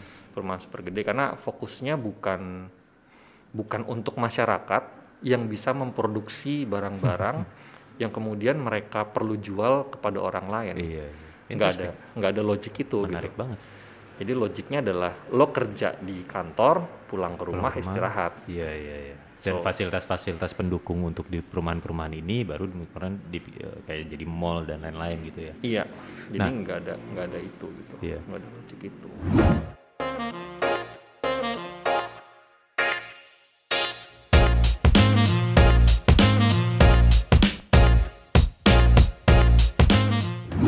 Kita bicara tata kota nih, dan Iya. kan sekarang sudah mulai banyak kepala kepala eh, daerah yang sudah punya visi untuk ngeberesin Hmm. tata kota, seperti yang eh, Bupati Banyuwangi, dan salah satu juga Bupati eh, Tubaba. Lu juga ikut terlibat di eh, yang project Tubaba nggak dan? Iya, gua terlibat juga. Nah ceritain dong dan itu prosesnya gimana tuh? Eh, prosesnya menyenangkan banget Mm-mm. karena eh, bupatinya eh, Pak Umar ini, Pak Umar Ahmad ya? Pak Umar Ahmad Heeh. itu benar-benar percaya sama mm, arsitek dan desainer yang dia ajak gitu. Iya. Eh, dan dia berkali-kali bilang ke staff-staffnya, eh kita ini nggak tahu apa-apa, kita mesti dengar mereka gitu. Hmm. Karena biar gimana pun eh, sedikit atau banyak yang mereka tahu, mereka tahu yang kita nggak tahu. Ya. ya. Jadi kita mesti dengerin mereka gitu. Eh, dan visinya menurut gua keren banget ya. Iya. Karena mere- jadi mereka tuh punya visi untuk menyediakan area tinggal alternatif bagi penduduk muda Indonesia Mm-mm. ya yang kualitas kotanya tuh lebih baik daripada kota-kota yang lain gitu Iya. yang ada di Indonesia gitu Eh, karena mereka nggak punya nggak punya apa-apa nggak punya eh, potensi turisme juga nggak tinggi eh, potensi mineral juga nggak tinggi juga Mm-mm. jadi ya satu-satu yang mereka bisa lakukan untuk berkontribusi ya menjadi tempat tinggal yang lebih baik buat anak-anak muda Mm-mm. Dan kayak- Anak-anak muda di Lampung pada umumnya seluruh Indonesia seluruh lah. Indonesia ya? seluruh Indonesia lah Mm-mm. Eh, menurut gue itu yang keren sih Iya. karena karena eh, dia juga sadar bahwa penduduk muda sekarang udah beda Hmm. Tipe cara hidupnya beda kemudian standarnya beda Mm-mm. dan yang 30 tahun lagi akan lebih beda lagi gitu Iya, iya, iya. yang eh, pengen kehidupan yang lebih baik dan lain-lain Iya, tuh iya. pasti akan beda gitu dan lebih tinggi standar hidupnya Iya. Ya, terutama ya bedanya sekarang udah mulai banyak yang bisa bikin brand kan kayak pineapple, kopi kalian gitu Iya, kan. iya, iya. Yang kayak gitu yang punya semangat entrepreneur tuh udah jauh lebih banyak. Tapi Iya. kotanya itu belum ada yang menawarkan untuk cara mereka hidup ini gitu. Untuk Iya. untuk apa eh, promote the way they live gitu yang bisa lebih supaya potensi yang mereka bisa da- bisa hasilkan itu bisa semaksimal mungkin hasilnya gitu. Mm-mm. itu kota yang kayak gitu belum ada. Jadi eh, mereka benar-benar benar-benar welcome banget. Dan sekarang ya bagus banget sih Iya, iya. apa pun yang mereka kerjain ya Dan itu Menyenangkan. kayak kita tuh masih kurang banget eh, pemimpin-pemimpin yang pun- punya visi kayak gitu ya Dan ya. betul Karena benar-benar nggak banyak. Setahu gue itu di eh, Tubaba itu terus Banyuwangi juga udah mungkin baru baru eranya setelah Ridwan Kamil menjabat di Bandung kali ya. Jadi kayak mulai mulai terangkat tuh yang punya punya visi gitu. Eh, Pak Umar sama Pak Umar, Mas Emil sama eh, Pak Azwar Anas itu ininya beda-beda, visinya beda-beda Oke. dan tujuannya beda-beda. Hmm. Mas Emil tujuannya untuk meningkatkan kualitas hidup di Bandung, waktu dia jadi wali kota Bandung, jadi dia banyak ngebenerin repairing, Iya, ngebenerin banyak sekali, Meningkatkan kebahagiaan. meningkatkan kebahagiaan. Kalau eh, Pak Azwar itu eh, Pak Anas sorry, Pak Anas itu eh, meningkatkan pariwisata Ya. supaya orang mau datang ke Banyuwangi, Banyuwangi. berkunjung. Heeh. Pak Umar tujuannya adalah untuk menciptakan ruang hidup bagi Hmm. penduduk muda Indonesia. Iya iya iya. So it's gua rasa ini tiga pemimpin visioner Iya. dengan tiga visi yang berbeda-beda. Mm-mm. Yang kalau misalnya di eh satu lagi Bu Risma jangan lupa juga loh Oh iya Bu Risma iya. Bu Risma juga eh, Surabaya jadi banyak pohon-pohon banget hijau betul, banget. Gokil. betul. Itu kan sama apa Mas Emil tuh kira-kira hampir sama kan Iya. memperbaiki kota yang sudah ada gitu. Betul betul. Tapi kalau eh, Pak Anas itu tentang turisme, Hmm, Pak Umar ini tentang menciptakan eh, ruang tinggal alternatif. Nah itu menurut gua beda lagi Hmm. Iya, ininya, iya, iya. visinya dan apa Angle-nya bisa dia beda-beda tapi hasilnya memperbaiki kota itu sendiri. kerjain. memperbaiki ruang hidup. ruang hidup. Betul, karena Very kita punya punya masalah dengan ruang hidup kita sekarang kan. Iya iya. Eh, yang paling gampang aja eh, limbah habis cuci piring lo ke mana limbah lo? Limbah kita ke mana kalau bukan ke got? Habis dari got terus ke mana? Udah nggak tahu. tahu kan? Nah, tuh sama kayak jodoh tuh rahasia Tuhan tuh. nggak tahu kita ke mana larinya. Nah dan eh, soal masih soal Tubaba nih. Ya. Ya kan tulang bawang barat. Terletak di Lampung ya itu ya. Lampung. Lu juga berperan di situ. Lu bikin kota dan Iya. Ceritain dong Dan, gimana tuh Dan? Kita buat master plan, desain master plan kotanya sih. Master plan kota. Ah. Heeh. Em, hmm, iya kayak kayak kayak yang gue bilang tadi gitu. Jadi eh, akhirnya gue sadar bahwa oh ya kota ini tuh sebenarnya yang kita tinggalin sekarang tuh nggak dibuat untuk anak-anak muda yang nanti. gitu. Hmm. Eh, jadi anak-anak muda ini kalau nggak dipikirin tempat tinggalnya nggak Iya. akan nggak akan maksimal nih potensinya Iya, iya. potensi semuanya gitu akhirnya juga ke ekonomi Indonesia secara secara keseluruhan Mm-mm. dan gue juga eh, jadi jadi dewasa di tengah kota yang kualitasnya makin hari makin turun Mm-mm. nggak jadi makin baik Iya. Eh, kebahagiaan tentang kota yang kualitasnya membaik tuh gue nggak inget gitu Mm-mm. Yang gue inget selalu kekecewaan tentang kota yang kualitasnya menurun Iya, iya, iya. dan teman-teman gue juga sama gitu gue ngeliat teman-teman gue gitu kayak terus gue mikir ini kalau nggak gue yang mikirin teman-teman gue hidupnya anak-anaknya ya nggak bakal jadi lebih baik Iya, iya, iya. daripada hari ini gitu jadi sejak beberapa tahun yang lalu gue mulai mikirin tentang gimana caranya ngebangun kota sih Wow. dan gimana caranya ngedesain kota gitu. Uh, logiknya apa ngedesain kota ini gitu jadi gue tapi gue nggak pengen sekolah Hmm. jadi gue nggak mau nggak mau uh, nggak mau tahu Iya, iya, apa iya. yang orang lain udah pikirin gue Uh, coba uh, uh. untuk mikirin sendiri Explore sendiri, gali sendiri.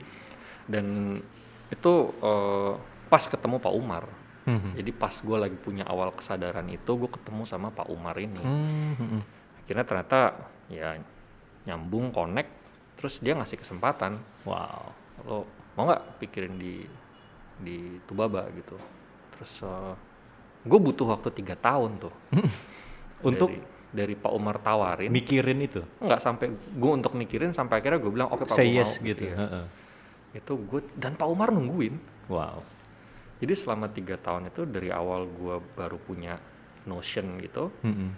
kesadaran sampai akhirnya gue oke gue tahu apa yang harus gue lakukan Hmm. karena yang paling penting tuh bukannya lo tahu gimana caranya ngebikin kota lo ngelihat dari buku bukan itu tapi Iya. gimana caranya lo punya pemahaman Hmm, hmm, hmm, hmm. tentang cara ngebuat ruang hidup dan kota yang yang bisa bikin lo ngejelasin ke Hmm, bupati dan jajarannya sesederhana mungkin Hmm, supaya mereka bisa ngerti segampang-gampangnya Iya. dengan cara yang segampang-gampangnya.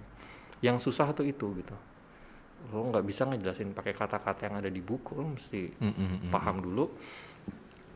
Terus ngubah cara komunikasinya. Nah, untuk dapat pemahaman itu yang akhirnya gue perlu waktu agak lama dulu untuk Iya, iya. untuk belajar, untuk bikin diri gue paham gitu. Hmm, hmm. Sampai logik paling dasar tentang kota Wow. supaya gue bisa ngejelasin ke ke Pak Umar ke bupatinya Heeh, heeh. dan eh, hasilnya ya disetujuin sih Hmm, hmm, hmm, hmm. desainnya disetujuin Gila. dan eh, ya lagi lagi kita kerjain dengan semua keterbatasan yang kita milikin.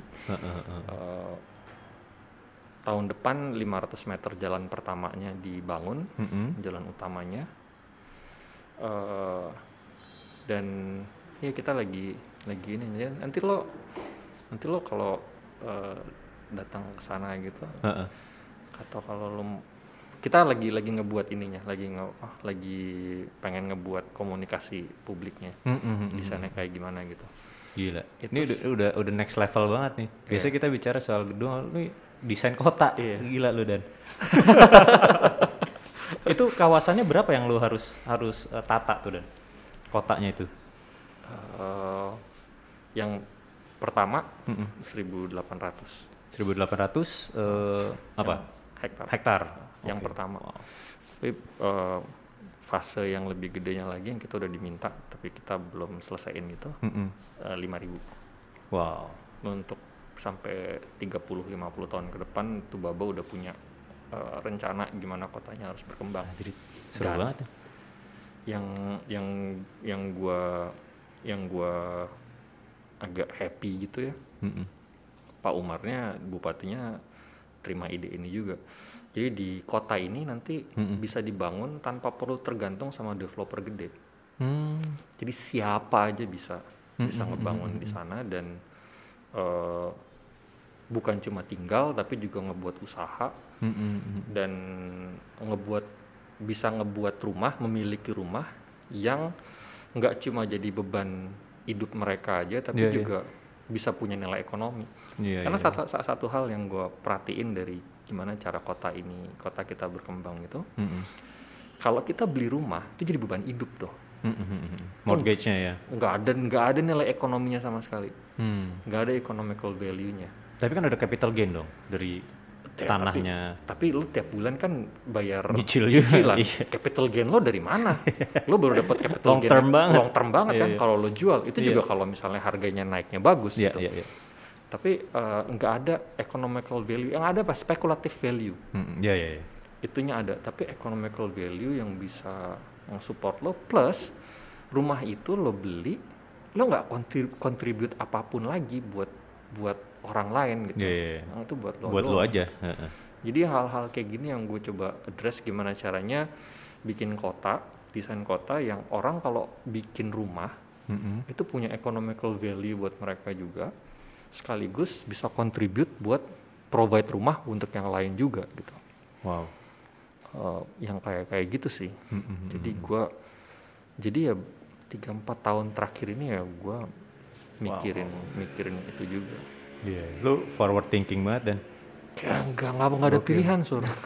Kayak gue bilang tadi kan karena cara kerja gue reaktif Iya, kan. iya, iya, iya. Dan mungkin mungkin juga karena gue karena gue pernah satu kosan Hmm, hmm. Sama beberapa orang eh, lain gitu yang seumuran gue dan tiap hari gue ngedengerin keluhan mereka gitu tentang kota, tentang tempat tinggal Iya, iya, iya. yang kalau Lu tampung tuh ya jadinya ya. iya karena gue mikirnya kalau bukan gue yang ngejawab atau teman-teman gue yang ngejawab Iya, siapa masalahnya lagi? siapa lagi nggak bakal nggak bakal ada kan Betul. dan ketika gue ajakin teman-teman gue untuk mikir kayak gini ternyata nggak semua punya punya a sense of urgency Iya, yang iya, iya. yang sama gitu Betul, betul, betul. jadi ya oke ya mau nggak mau gue harus makanya project regenerate jadi kita regenerate itu dari mikirin rumah sampai mikirin kota Kota ya. gimana caranya desain kota Wow, wow, wow. yang ini jadi eh, ya Gambar-gambarnya udah mulai lu publish atau belum nih? ah, enggak belum Belum ya.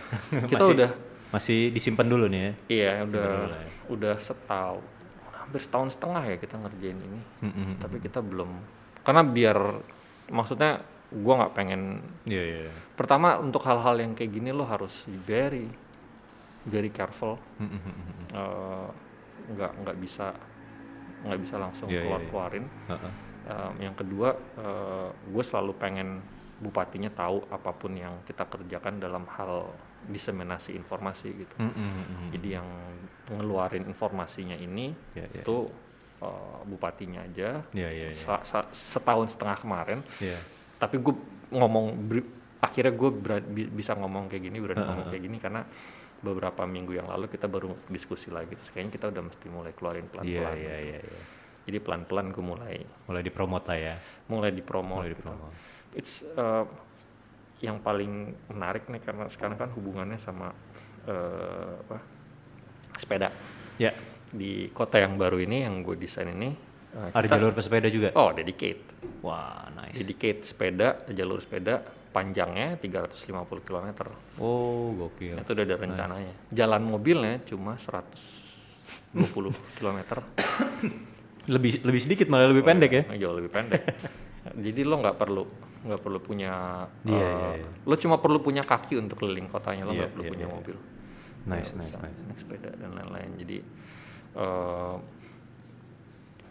ya gua gua rasa gua rasa perlu perlunya itu sih Hmm, hmm, sekarang.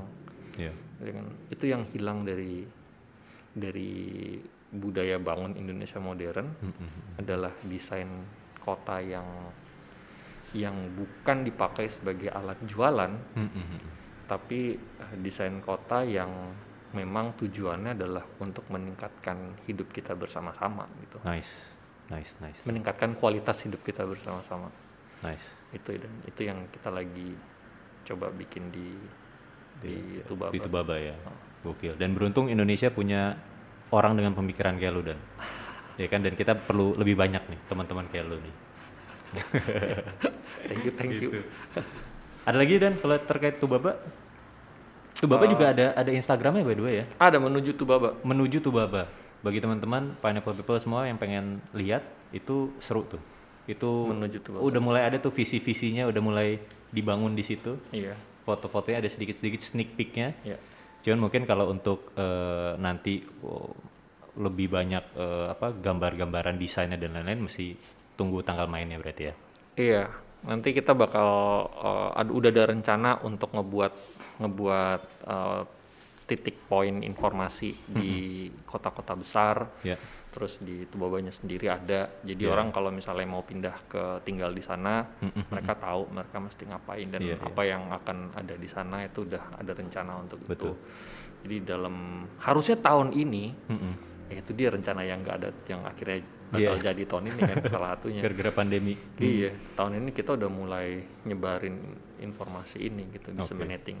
uh, dan di banyak kotanya. titik di Indonesia ya bukan cuma hanya Betul. titik tertentu kan dan dan hopefully ini juga bisa menstimulasi ke depannya sehingga banyak Iya. pemikiran-pemikiran kayak gini ke depan Iya, karena karena abis gue lihat-lihat ya harapan kita untuk ting- hidup yang lebih baik atau ruang tinggal yang lebih baik itu adanya di kota-kota kecil sih, di kabupaten-kabupaten kecil gitu. Makanya, tapi yang yang nggak bisa dipungkirin itu adalah cara kita hidup tuh udah udah spesifik, udah kayak kota gitu. ya ya ya Makanya yang gue coba bikin ini, gue nyebutnya desainnya tuh mikropolis. mikropolis nice. Mikropolis. Jadi udah bukan desa, tapi belum kota.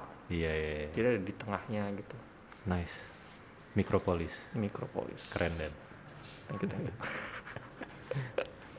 dan kalau lu melihat iklim arsitektur Indonesia 10 tahun ke depan deh Hmm. gimana dan Em, produktivitas ya, kalau lo bicara tentang produktivitas dengan apa yang terjadi di hari ini, Mm-mm. eh, bakalan bakalan tinggi sih. Mm-mm. bakalan tinggi banget itu produktivitas ke depan. Eh, tapi gue nggak tahu ya, abis abis semua dinamik yang terjadi dengan dengan apa pemerintahan dan dan legislatif eh, eksekutif sekarang sekarang ini, gue nggak tahu deh gimana gimana sentimen anak muda terhadap masa depan di sini. Karena tikit arsitektur itu tergantung sekali sama anak muda. Mm-mm. bukan tergantung sama sama pemilik modal sih kalau menurut gua. Tergantung sama anak anak-anak mudanya muda. sih. Anak muda yang karena lo selalu ketika lo ngebuat kota ketika lo ngedesain tentang arsitektur eh, ya lo kalau ngedesain buat klien lo itu ada satu aspek tentang profesi yang lo harus lakukan Iya, tapi iya.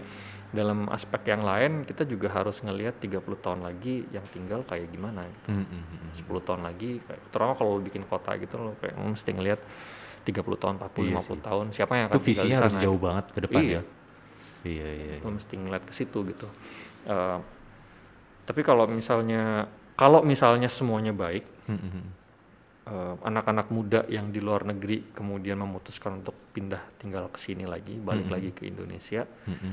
eh, orang-orang yang sekarang punya modal besar bener-bener ngeliat bahwa apa yang mereka harus lakukan kalau mereka mau bikin yang oke itu adalah mesti ngeliat kehidupan anak-anak muda ini 30 tahun ke depan 20 tahun ke depan itu gimana Mm-mm.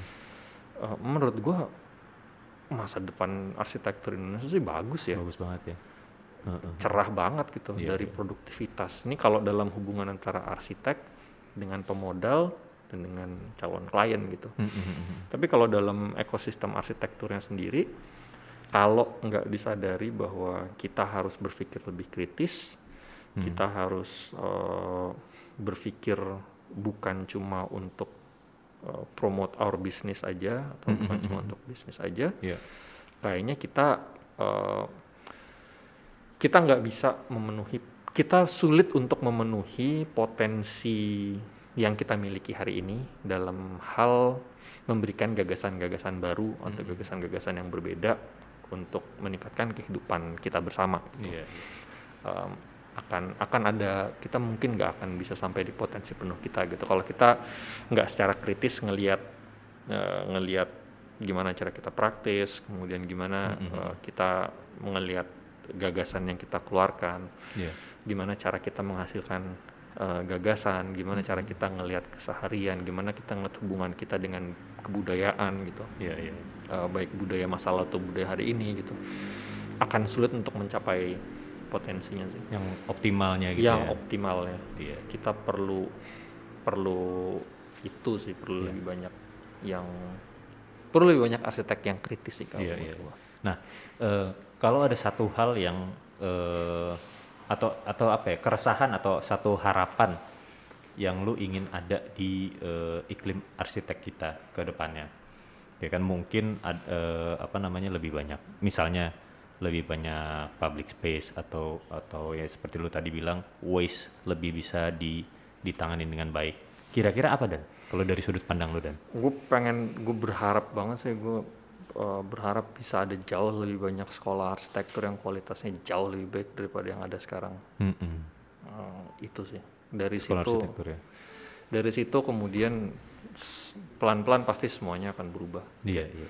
masa depan uh, arsitektur dan ruang hidup di Indonesia yang lebih baik itu kuncinya ada di sekolah arsitektur yang kita punya sekarang gue gue bermimpi tentang Itu tentang ya. tentang itu sih tentang sekolah arsitektur sekolah Iya, iya. sekolah eh, desain yang yang kualitasnya baik jumlahnya jauh lebih banyak, banyak iya iya daripada yang ada sekarang oke ya hopefully one day kita akan ada Dani Wicaksono School of Architecture Iya kan? Amin. amin amin dan mungkin pertanyaan terakhir nih Ya. ya kan karena di tengah kondisi global yang nggak stabil akibat covid lah ya kan event-event banyak cancel eh, resesi ek- ekonomi dan lain-lain sebenarnya tipe cewek lu kayak gimana sih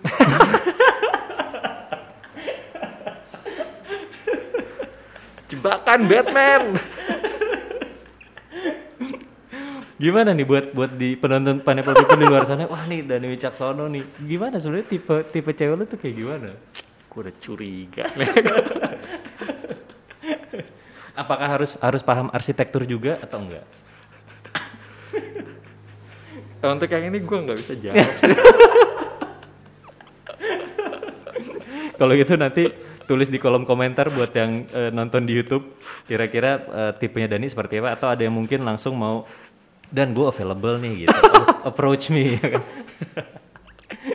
Dan- oh ya by, ampun by the way kalau mau kontak lu dan eh, studio dasar kalau mau ada inquiry dan lain-lain eh, ke mana dan? Ah, kita di Instagram ada studio handle-nya at studio dasar. At Studio Dasar, Nah, kalau mau ke ke gue juga bisa ke DNN WCKSN. D at DNNY WCKSN. Iya. Itu di Instagram. Kalau im- email bisa email ke lu juga mungkin? Email bisa email ke gue di dw at studiodasar.com Eh, atau kalau mau email ke studio dasar juga bisa ada di eh, eh, admin at studiodasar.com. Studiodasar.com. Oke, itu buat teman-teman Pineapple People yang mungkin mau inquiry ke Dani mungkin atau juga kayak internship gitu siapa tahu ya Dan ya. Oke. Nih thank you banget nih Dani udah hadir dan eh, Sama-sama, thank you Sur.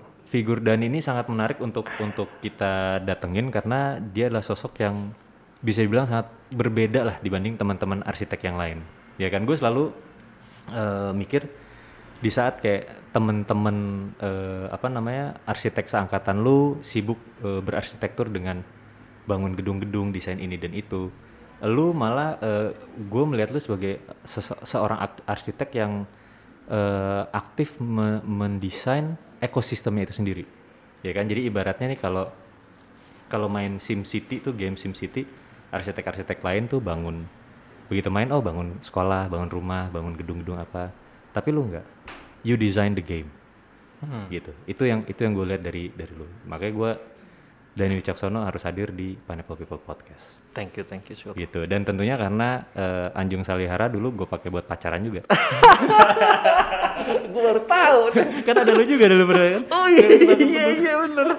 Oh iya bener, bener, bener. udah lama banget ya Udah lama banget ya. Lama banget gitu Iya, iya, iya gitu bener, dan bener, dan apa namanya eh, dan dari Dani juga gue paham bahwa arsitektur itu bukan melulu soal mendesain atau membangun bangunan tapi juga eh, bagaimana peran-peran faktor lain seperti edukasi dan eksibisi itu sangat penting karena di situlah gagasan bisa tumbuh dan berkembang Betul banget. Dani Thank you banget udah hadir. Makasih banyak Sur, senang banget bisa diundang. Jangan kapok ya, main-main lagi ya. Nggak bakal. Siap, siap, siap. Pineapple People, thank you banget udah nonton. Semoga banyak yang bisa kita pelajari dari sosok Dani Wicaksono dan pemikiran-pemikirannya yang out of the box.